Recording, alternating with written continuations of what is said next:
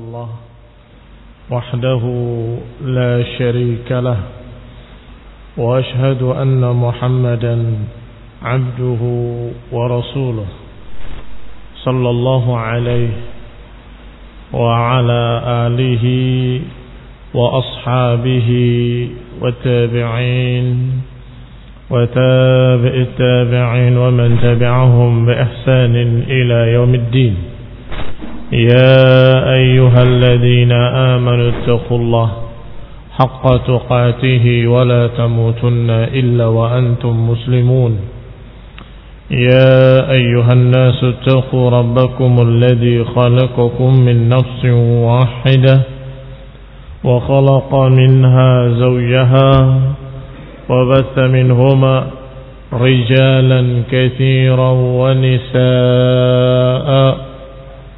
واتقوا الله الذي تساءلون به والأرحام إن الله كان عليكم رقيبا. يا أيها الذين آمنوا اتقوا الله وقولوا قولا سديدا.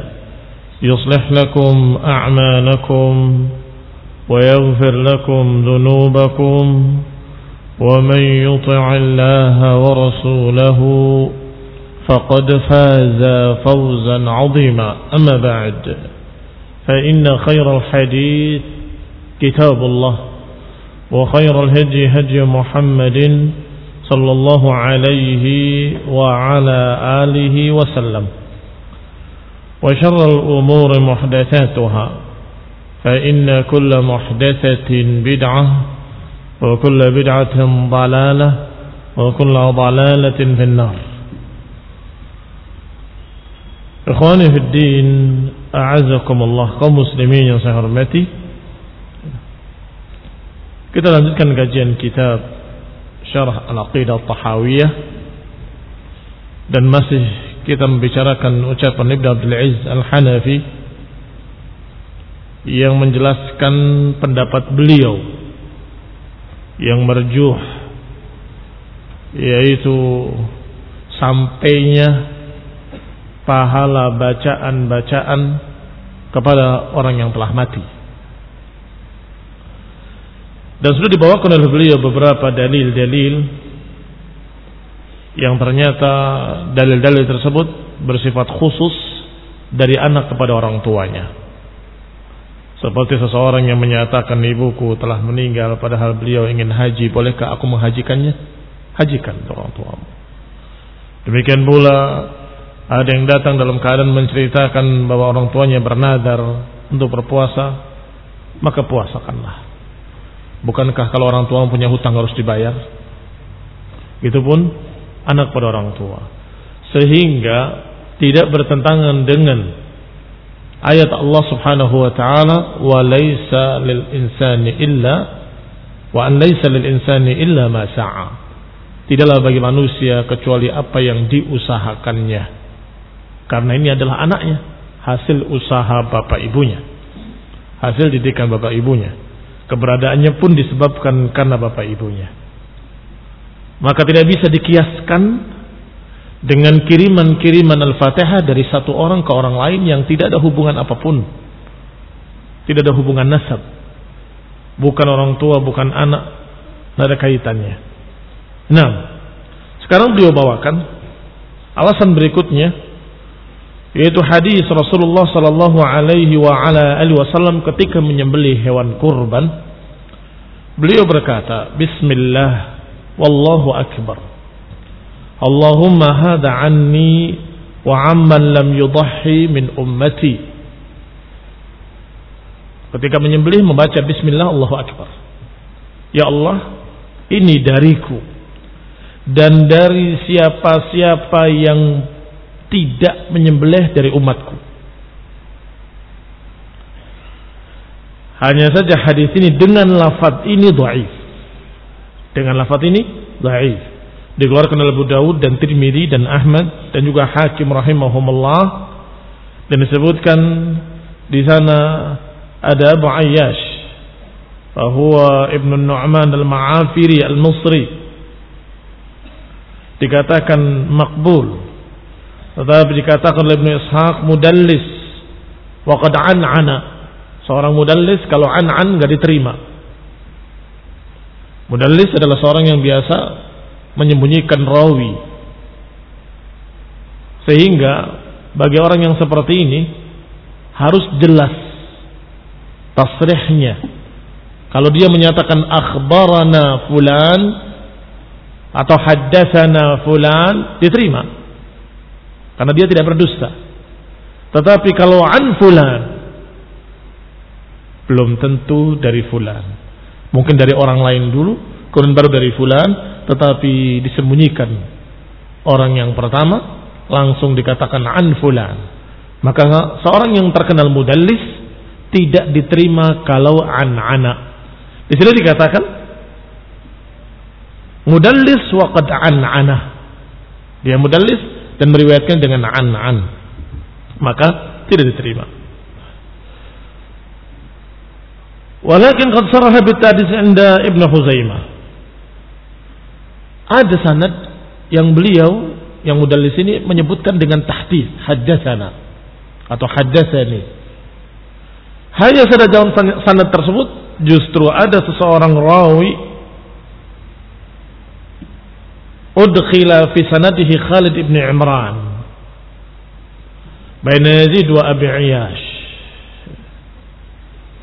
artinya ada orang lain ternyata benar sebagaimana dugaan para ulama yang lain bahwa dia menyembunyikan seseorang rawi.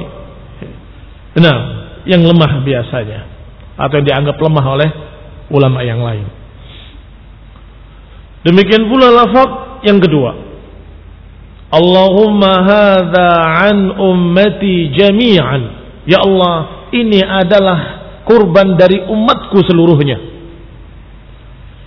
Dalam lafaz pertama dan kedua seakan-akan beliau ini mewakili semua umatnya.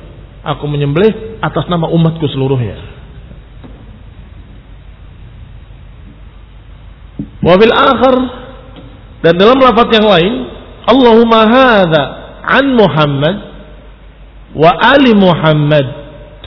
Ya Allah, ini dari Muhammad dan dari keluarga Muhammad. Dalam lafaz lain ada tambahan wa ummati Muhammad dan umatnya Nabi Muhammad SAW.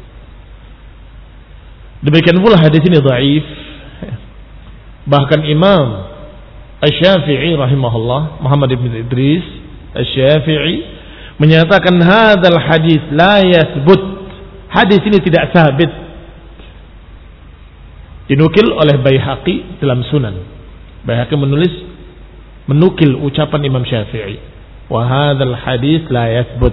Hadis ini tidak sabit. Tapi berarti bagaimana yang sahih? Lafaz yang sahih yang ada dalam sahih Muslim dari hadis Aisyah radhiyallahu taala anha bahwa Rasulullah sallallahu alaihi wasallam memerintahkan untuk mengambil seekor kambing kibas yang bertanduk. Yata fi sawad wa yabruk fi sawad wa fi sawad. Kambing domba yang menanduk dengan hitam, melihat dengan hitam dan mendekam dengan hitam. yakni ada hitamnya di matanya, itu makna melihat dengan hitam, hitam di tanduknya dan hitam di kaki-kakinya. Pernah lihat kambing seperti itu, kaki-kakinya hitam semua dan di matanya juga hitam. Kemudian beliau meminta Aisyah agar menajamkan pisau mengasahnya. Ya Aisyah halummi al-mudyah. Ya Aisyah, berikan kepadaku pisau. Ashadiha, ashadiha bihajar. Tajamkanlah dengan batu. Fafa'alat, maka Aisyah mengerjakan. Kemudian diambil oleh Nabi Shallallahu Alaihi Wasallam dan mengambil kambing tadi direbahkan kambing tadi summa dabahahu kemudian disembelih oleh Rasulullah SAW dengan mengucapkan Bismillah Allahumma taqabbal min Muhammadin wa ali Muhammadin wa min ummati Muhammad sallallahu alaihi wa ala alihi wasallam. Bismillah. Ya Allah terimalah dari Muhammad sallallahu alaihi wasallam dan dari keluarga Muhammad sallallahu alaihi wasallam wa min ummati Muhammad dan terimalah dari umat Nabi Muhammad sallallahu Apa bedanya dengan yang tadi? Hadis tadi yang tadi, yang pertama dan kedua dan juga ketiga, semuanya ada kalimat ta'an. An ummati, atau an ali Muhammad, atau an hadhihi ummah jami'an, atau an lam amman lam yudahi. Dan an biasa dipakai untuk mewakili. Aku menyembelih an fulan, maksudnya mewakili fulan. Kalau an ummati Muhammad SAW, berarti aku mewakili seluruh umatku. Baik, tetapi kalau min bisa bermakna terimalah dariku, terimalah dari keluarga Muhammad dan terimalah dari kaum muslimin. Ya, ini kita didoakan semua yang berkorban oleh Nabi SAW semoga diterima. Baik, wa in sahha, kalaupun sahih riwayat lafat-lafat tadi bahwa benar-benar Rasulullah SAW mewakili ummah ini semuanya. Maka ada ucapan para ulama seperti Syekh Al-Albani rahimahullah. Kata Syekh ada faedah. Ma jaa fi hadzal hadis atau al-ahadith min tadhiyatihi sallallahu alaihi wasallam ala ali wasallam amman lam yudhi min ummati atau min huwa min khasaisihi sallallahu alaihi wasallam. Kata Syekh Al-Albani bahwa apa yang datang dari hadis-hadis ini tentang Rasulullah SAW berkorban mewakili semua yang belum berkorban. Ini adalah kekhususan Nabi sallallahu alaihi wa ala alihi wasallam. Min khasaisihi kata Syekh Al-Albani. Apa maknanya min khasaisihi? Maknanya min khasaisihi tidak bisa orang lain berbuat seperti Nabi. Itu kekhususan beliau Kekhususan beliau. Khusus bagi Rasulullah SAW. Yang lain tidak bisa. Maka tidak bisa seseorang mewakilkan orang-orang lain yang telah mati. Tidak boleh seorang sholat untuk orang lain. Nggak boleh seseorang berpuasa untuk orang lain. Nggak boleh seseorang berbuat beribadah untuk orang lain. Kalau dikatakan selanjutnya oleh muhakkik hafizahullah wa alaih dan dengan ucapan Syekh Al-Albani ini maka tidak boleh kita mengikuti kekhususan-kekhususan Nabi karena itu khusus untuk Nabi sallallahu alaihi wasallam. Wabil ahra dan lebih-lebih lagi tidak boleh mengkiaskan dengan yang lain. Yang sama seperti itu saja itu khusus untuk Nabi. Gak bisa. Ya. Sholat, ya, ya Allah, aku sholat ini mewakili fulan, tidak boleh. An fulan, tidak boleh. Puasa, ya Rasulullah, aku, ya Allah, aku puasa mewakili fulan, tidak bisa. Ya. Kalau yang seperti Nabi tadi itu khusus untuk Nabi, itu pun insahah al makna kalau maknanya sahih seperti itu karena lafaz yang benar adalah min bukan an apalagi dikiaskan dengan masalah-masalah lain dari ibadah-ibadah. Seperti salah wasiyam wal qiraah seperti puasa salat bacaan Al-Qur'an dan lain-lainnya. Fala yusalli ahadun an ahadin wala yasumu ahadun an ahadin wala yaqra ahadun an ahad. Maka tidak boleh seorang sholat untuk orang lain. Tidak bisa seseorang berpuasa untuk orang lain. Tidak bisa seseorang membaca Al-Quran untuk orang lain. Wa lil insani illa ma sa'a. Tidaklah bagi manusia kecuali apa yang dia usahakan sendiri. Tidak bisa untuk orang lain. Ikhwani azakumullah. Kemudian uniknya bahwa Syekh Ibn Abdul Aziz Al-Hanafi rahimahullah, walaupun dari satu sisi beliau berpendapat mungkin saja bisa sampai dengan kias-kias. Tetapi ternyata beliau menyatakan, wa amma istijaru qaumin yaqra'una al-Qur'ana wa yahdunahu lil mayyit fahadha lam yaf'alhu ahadun min as-salaf. Adapun menyewa orang satu kaum diberi hadiah-hadiah, diberi bayaran-bayaran untuk membaca Al-Quran untuk si mayit, untuk orang mati, maka ini tidak pernah dikerjakan oleh salaf, kata beliau. Dikumpulkan manusia, dikasih makanan, hadiah apa saja, makanan apa berkat kata mereka, berkat dalam tanda petik, ya. nasi dengan lauknya dan sebagainya. Kemudian suruh membaca. Setelah itu dikirimkan ila hadrati fulan pada si mayit. Ada lam yaf'alhu minas salaf. Kata beliau sendiri. Padahal menyatakan mungkin saja sampai. Ternyata beliau menyatakan kalau acara seperti itu dengan memberi hadiah pada mereka, maka itu tidak pernah dikerjakan oleh salaf. Wala amara bihi ahadun min a'immatid din dan tidak pernah dikerjakan oleh seorang pun dari imam-imam pemuka agama wala rakhasa dan tidak ada ulama yang membolehkan. Enggak ada ulama yang membolehkan. Wal istijar ala nafsi tilawah ghara jaizin bila khilaf. Bahkan istijar menyewa seseorang untuk membaca Quran bahkan tidak boleh sama sekali tanpa ada perselisihan. Wa inna ikhtalafu fi jawazil istijar ala ta'lim. Yang boleh itu adalah memberikan bayaran pada orang yang mengajarkan. Mengajarkan ilmu, mengajarkan baca Al-Quran, mengajarkan berbagai macam bidang-bidang ilmu. Mimma fihi manfaatun tasil ilal ghaib, yaitu yang memberikan manfaat yang sampai pada orang lain. Maka itu tidak mengapa.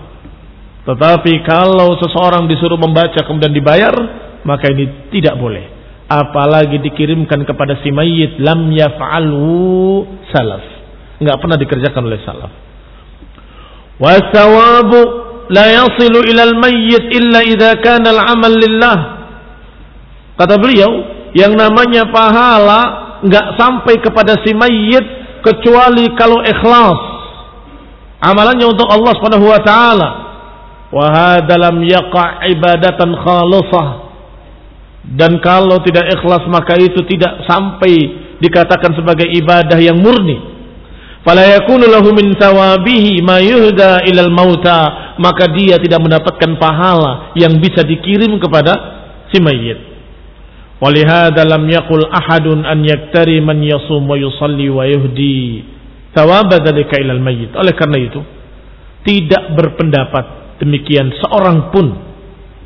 Ini bolehnya menyewa seseorang untuk berpuasa untuk orang tuanya atau salat menyewa orang untuk salat untuk si mayit atau Yahudi memberikan sembelihan-sembelihan kurban untuk si mayit tidak ada. Tidak ada yang berpendapat dari para ulama dengan pendapat ini sedikit pun. Menyewa. Demikian pula menyewa seseorang untuk menghajikan kemudian jadi kerjaan. Bikin lauhah. Tahu lauhah? Papan papan iklan. Haji badal tarif. Kalau haji kiron sekian kalau haji ini sekian haji ini sekian. Ya.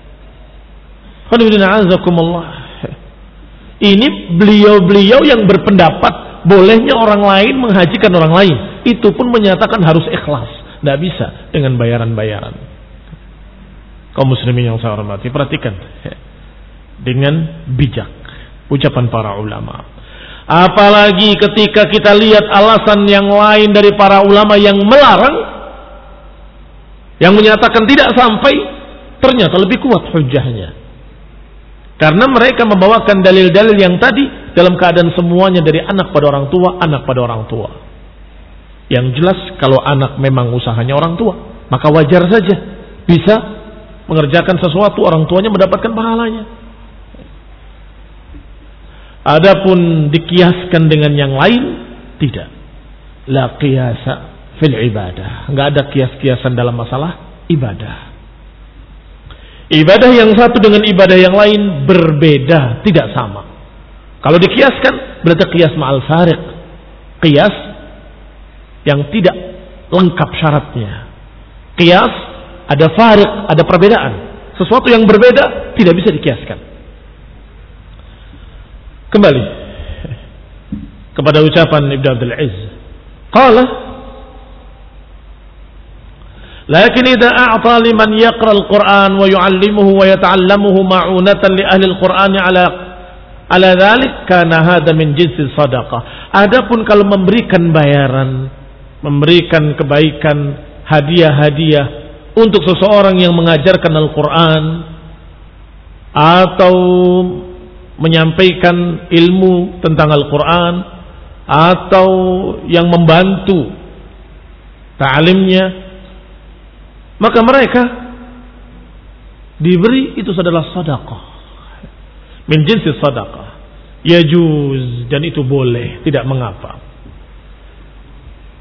Dalam ikhtiar ini kitab al-ikhtiar Lau awsa bi an yu'ta syai' min malihi liman yaqra al-Qur'an al qabrih fal wasiyatu batilah. Dalam kitab al-ikhtiyar disebutkan kalau seorang yang mati ini berwasiat berikan sebagian hartaku sebagai hadiah kepada mereka-mereka yang membaca Al-Quran di kuburanku fal wasiyatu batilah maka wasiatnya batil menurut pendapat Ibnu Abdul Aziz Al-Hanafi tokoh ulama Hanafiyah. Wasiatnya batil, tidak diteruskan, tidak dilaksanakan. Lianahu fi makna al-ujrah kan itu sama dengan ujrah, sama dengan bayaran. Bayarkan pada mereka-mereka yang membaca Al-Quran di kuburanku, yang kirim-kirim fatihah kepadaku. Maka wasiat itu batil. Wa zahidi demikian pula Az-Zahidi dalam kitab Al-Qinyah Bisa jadi al-ghunya wallahu alam. Tapi di sini dikatakan yang benar adalah al-qinyah. Anahu law waqafa ala man yaqra 'inda qabrihi fatta'yinu batil. Bahkan dalam kitab itu disebutkan kalau dia mewakafkan mewakafkan apa pun untuk orang yang membaca di sisi kuburannya maka penentuan itu pun batil. Ini kalau ada orang yang ketika sakitnya mau mati dia berkata, saya wakafkan tanah saya untuk semua yang membaca Al-Quran di kuburanku. Untuk semua mereka yang kirim-kirim fatihah kepadaku. Kata beliau, kata Zahidi, maka wasiat itu batil, tidak berlaku. Enggak ini hadiah saja wakaf, bukan bayaran dengan diumumkan wasiatnya. Ini ada wasiat. Siapa yang membaca di kuburan beliau, maka beliau mewakafkan tanahnya untuk mereka. Kira-kira apa yang terjadi? Ya rebutan mereka baca Quran di sana. Oleh saya katakan, itu namanya bayaran. Walaupun niatmu bainak wa baina rabbak, itu antara engkau dengan Allah, tetapi itu adalah membuat mereka semangat membaca karena wakaf tadi. Semangat membaca karena wasiat tadi. Semangat membaca karena bayaran.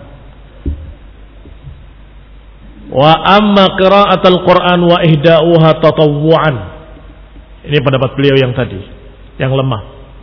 Adapun membaca Al-Quran dan menghadiahkannya kepada si mayit, kalau suka rela, tidak dibayar, tidak dijanjikan ini dan itu, maka yasil insyaallah akan sampai biiznillah kata dia. Kama yasil sawab shawmil haj sebagaimana akan sampainya pahala puasa dan pahala haji. Maksud beliau sebagaimana hadis puasa hadis haji. Ya bantahannya tadi?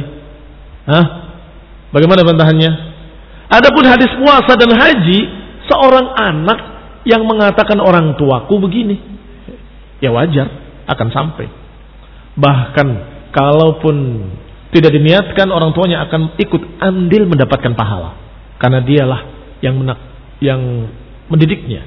Dialah yang berupaya untuk membesarkannya ila akhirih. Baik, sehingga wajar kalau Nabi menyatakan bagaimana kalau orang tua punya hutang? Bukankah engkau membayarkannya? Nah, maka dibayarkan. Maka demikian pula puasa, kata Nabi, puasakan untuk orang tuamu. Baik. Sehingga kelihatan sekali dalam ucapan ini bahwa beliau memakai kias. Yasil kama yasil sawab wal hajj. Sampai sebagaimana sampainya pahala puasa dan pahala haji.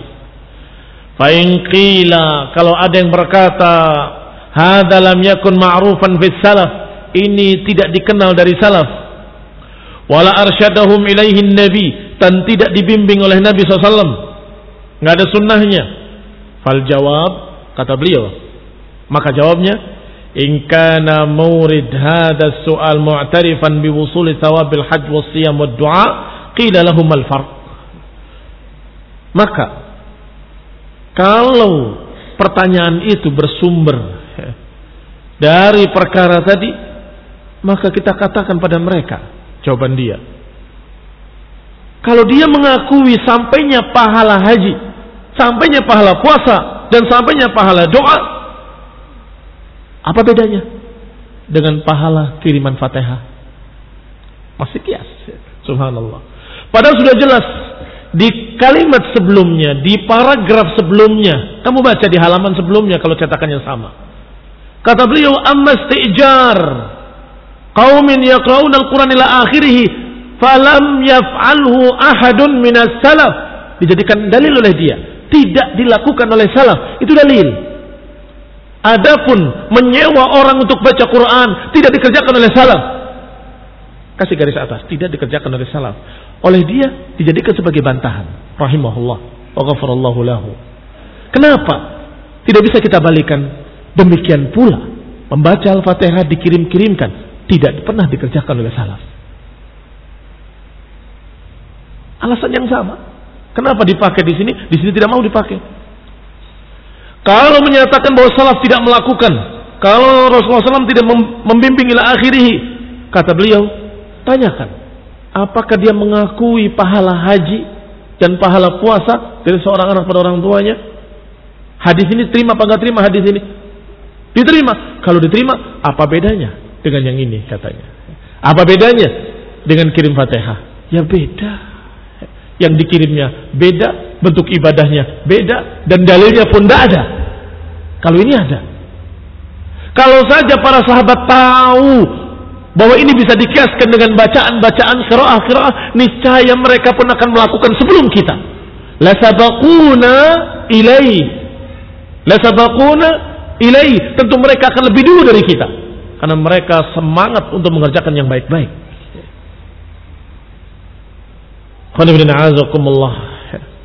Ijma' adalah hujjah. Khususnya ijma' salaf. Sekarang, apakah salaf sepakat untuk tidak mengerjakan sesuatu yang baik? Yaitu kirim-kiriman Al-Fatihah? Astagfirullah. Itu tuduhan pada mereka. Kalau mereka sepakat ala dalalah, berarti menyalahkan Rasulullah SAW yang menyatakan la tajtami'u ummati ala dalalah. Umatku nggak akan sepakat di atas kesesatan ternyata sepakat untuk tidak mengerjakan. Tidak ada yang mengerjakan satupun. Apa satu kebetulan? Apa yang cerdas hanya kita? Wah, kalau ini boleh, ini juga boleh. Oh, cerdas sekali kamu. Para sahabat nggak ada yang cerdas. Nggak ada yang kirim-kiriman Fatihah Al-Baqarah atau surat Yasin. Nggak ada. Nggak ada riwayat.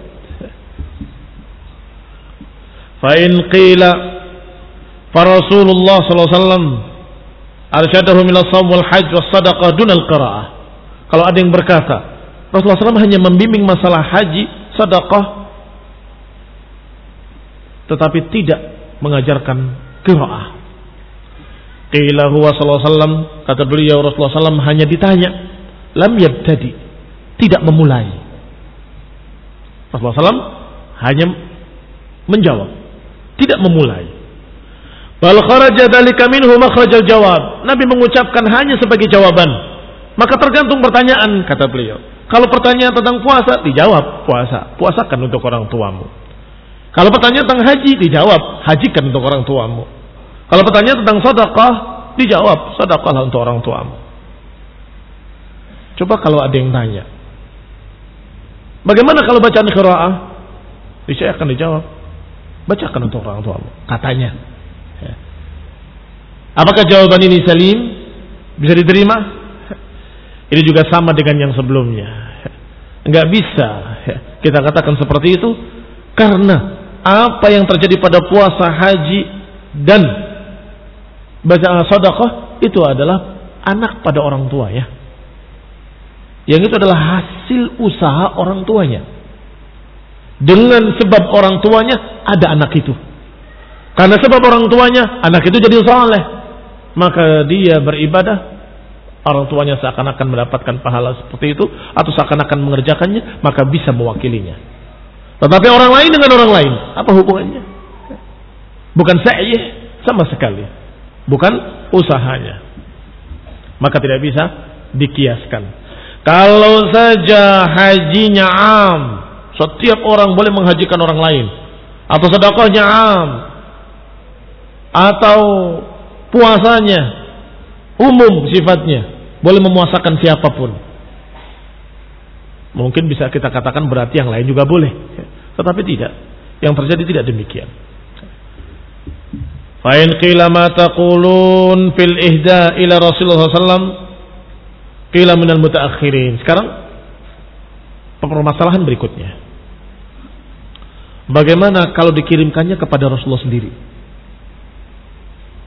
Kita kirim Al-Fatihah ila hadratin Nabiyil Mustafa Al-Fatihah. Dikirimkan kepada Nabi SAW. Jawaban Ibn Abdul Aziz Al-Hanafi. Qil minal mutaakhirin man istahabbahu. Orang-orang belakangan ada yang menganggap itu mustahab. Baik-baik saja dianjurkan. Tetapi wa minhum man ra'ahu bid'atan. Tetapi yang lain berpendapat itu bid'ah. Lianna sahabah lam yakunu yaf'aluna. Karena para sahabat tidak mengerjakannya. Dipakai lagi alasan ini. Padahal alasan ini yang untuk membantah beliau ketika yang tadi. Bahwa kirim-kirim fatihah, para sahabat lam yaf'aluna. Tidak mengerjakannya. Walianan Nabi SAW lahu mislu ajri kulli man amila khairan min ummati. Karena Nabi SAW sudah mendapatkan pahala secara otomatis. Karena beliau yang mengajarkan. Mandalla ala khairin kafa'ilih. Siapa yang menunjukkan satu kebaikan, maka dia mendapatkan pahala seperti pelakunya. Atau man sanna sunnatan hasanatan. Falahu ajruhu mislu ma mislu ajri man amila biha siapa yang mengerjakan atau siapa yang mengajarkan satu sunnah kemudian orang itu mengerjakan maka dia mendapatkan pahala seperti orang yang mengerjakannya. Tanpa mengurangi pahala yang mengerjakannya. Sedangkan Nabi mengajarkan semua syariat ini maka kalian mengerjakan syariat secara otomatis Nabi pun dapat pahalanya. Sejumlah umat Islam yang mengerjakan. Masya Allah. Sallallahu alaihi wa ala alihi wasallam min ghairi an yanqusa min ajril amil syai. Bahwa seorang yang mengajarkan satu sunnah kemudian diikuti, maka dia mendapatkan pahalanya dan pahala orang yang mengikutinya tanpa mengurangi pahala mereka yang mengerjakannya. Liannahu huwa alladhi dalla ummatahu ala khairin, ala kulli khair. Karena beliaulah yang mengajarkan, yang menunjukkan kepada umatnya semua kebaikan. Warsyadahum ilaih dan membimbingnya. Berarti apa pendapat beliau? Boleh apa enggak boleh mengirimkan kepada Nabi? Tidak. Didukung oleh dia dengan kalimat para sahabat lam yaf'alunahu. Para sahabat tidak mengerjakannya. Dan alasan kedua, karena Nabi secara otomatis sudah mendapatkan pahala semua orang yang mengerjakan amal saleh. Karena Nabi yang mengajarkannya. Siapa yang mengajarkannya akan mendapatkan pahala dan pahala orang yang mengikutinya. Baik, Wa man qala indal mayyit yantafi' ada masalah lain sekarang. Bukan kirim-kiriman Al-Fatihah. Tetapi permasalahannya adalah membaca di pinggir kuburan. Jadi di sekitar kuburan. Dianggap akan bermanfaat buat si mayit. Waman qala dan siapa yang berkata innal mayyit yantafi' bi qira'atil Qur'an indahu. Barang siapa yang berkata bahwa orang mati akan mendapatkan manfaat dengan bacaan-bacaan Al-Qur'an di sisinya bi'tibari sima'ihi kalam Allah karena si mayit ini mendengarkan ucapan Allah maka akan dapat manfaat. Fahada lam yasah kata beliau ini tidak sah. Anehnya mereka yang beralasan dengan ucapan Ibnu Abdul Aziz Al-Hanafi untuk menyatakan sampainya bacaan qiraah kepada si mayit, kenapa nggak ambil yang ininya juga? Beliau berpendapat, siapa yang berkata mau membaca di sekitar kuburan itu akan bermanfaat bukan buat si mayit, maka itu lam yasah, tidak benar. Tidak benar. Lam yasah an ahadin minal a'immatil masyhurin, bahkan tidak dikenal dari para ulama yang masyhurin. Enggak dikenal dari pendapat-pendapat para ulama yang masyhur. Wala syakka fi sima'ih, walaupun jelas bahwa mayit memang mendengar, tetapi manfaat dia, ini ada catatan nanti sebentar. Tetapi intifa'u bis sima' la yasih. Tetapi si mayit mengambil manfaat dengan mendengarnya belum tentu. Kenapa? Belum tentu. Apa manfaatnya? Apakah manfaatnya dia dapat pahala kalau mendengar Quran? Seperti orang hidup mendengarkan Quran dapat pahala. Orang mati mendengarkan Quran dapat pahala? Tidak, terputus. Itu satu. Yang kedua, bisa jadi kalau dia mendengarkan ayat-ayat yang dia belum mengamalkan ketika hidupnya, dia tersiksa. Iya kan? Dia mendengarkan ayat-ayat yang ternyata dia ketika hidupnya tidak mengerjakannya. Tersiksa dia. Gelisah dia. Diingatkan bahwa engkau menyelisihi ayat ini. Kau menyelisihi ayat ini. Kau menyelisihi ayat ini. Kata beliau. Di dalam ucapannya. Bal rubbama yatadarrar wa yata'allam. Kata Syekh Ibn Abdul Aziz Al-Hanafi. Bahkan bisa jadi yatadarrar. Mendapatkan madarat. Wa yata'allam. Merasa sakit. Limada? Likaunihi lam yamtasil awamir Allah. Karena dia belum mengerjakan perintah-perintah Allah dan belum mengikuti larangan-larangannya yang ada dalam ayat itu. Auli kaunihi lam yazdad minal khair atau karena dia belum menambah kebaikan. Sudah mati. Maka ketika mendengarkan justru menangis dia, tersiksa. Maka yang dimaksud dapat manfaat dari mananya? Dapat pahala? Tidak. Karena pahala sudah terputus. Dapat keuntungan tentram. Mungkin sebaliknya. Bukan tentram, tapi justru tersiksa, gelisah, menangis, meratap dia. Itu pun kalau memang benar-benar mendengar. Karena beliau mengatakan wala syakka fi. Tidak ragu lagi, memang mayit mendengar. Hadza fihi nazar. Ucapan ini ada kritikan. Disebutkan dalam footnote-nya kalau cetakannya sama, takiknya Syekh Yasin, hafizahullah, Hadhihi da'wa khaliyatun minad dalil. Anggapan ini tidak punya dalil. Anggapan bahwa orang mati mendengar tidak punya dalil. Wa man arada tafsil, siapa yang ingin rinciannya silakan baca kitab khusus yang ditulis oleh Al-Allamah Al-Alusi dalam risalah yang berjudul Al-Ayatul Bayyinat fi adami sima'il amwat indal hanafiyati sadat ayat-ayat yang jelas yang membuktikan tidaklah orang mati bisa mendengar dan juga dari ucapan para ulama Hanafiyah. Kenapa ditambah ucapan ulama Hanafiyah? Karena Ibnu Abdul Aziz Hanafi dan juga sebagian besar mereka yang terjerumus dalam fitnah-fitnah ini adalah Hanafiyah. Justru sesungguhnya madhab Syafi'i tidak begitu. Di sinilah anehnya. Kebidahan-kebidahan itu cepat laku. Apakah dari Syafi'iyah ataupun dari Hanafiyah ataupun dari Hanabilah ataupun dari Malikiyah. Kalau bidah cepat lakunya. Sehingga yang dikerjakan dari kebidahan-kebidahan ada warisan beberapa ketergelinciran ulama Hanafiyah, ada ketergelinciran para ulama uh, Syafi'iyah, ada yang lainnya. Rahimahumullah wa ghafarallahu lahum. Di antara yang dibawakan ayat-ayatnya adalah ayat Allah yang menyatakan wa ma anta bimusmi'in man fil qubur. Engkau wahai Rasul gak akan bisa menjadikan orang mati mendengar. Engkau gak akan bisa menjadikan orang yang mati mendengar. Bimusmi'in man fil qubur. Juga engkau gak bisa tusmi'ul mauta. Menjadikan orang mati bisa mendengar. Gak bisa. Dua ayat dan beberapa ayat lain yang menunjukkan bahwa orang mati tidak bisa mendengar dan tidak bertentangan dengan hadis-hadis yang menceritakan bahwa orang mati mendengar pada saat-saat tertentu. Tidak bertentangan antara yang am dengan yang khas. Yang asal dan yang pare. Yang asal hukum asal.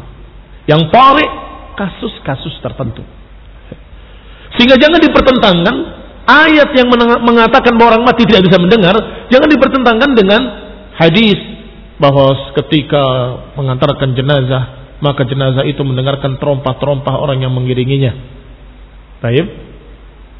Jangan pula dipertentangkan dengan ketika Allah SAW berbicara kepada ahlul qalim, orang-orang kafir yang mati dan dikumpulkan di sumur atau di belumbang.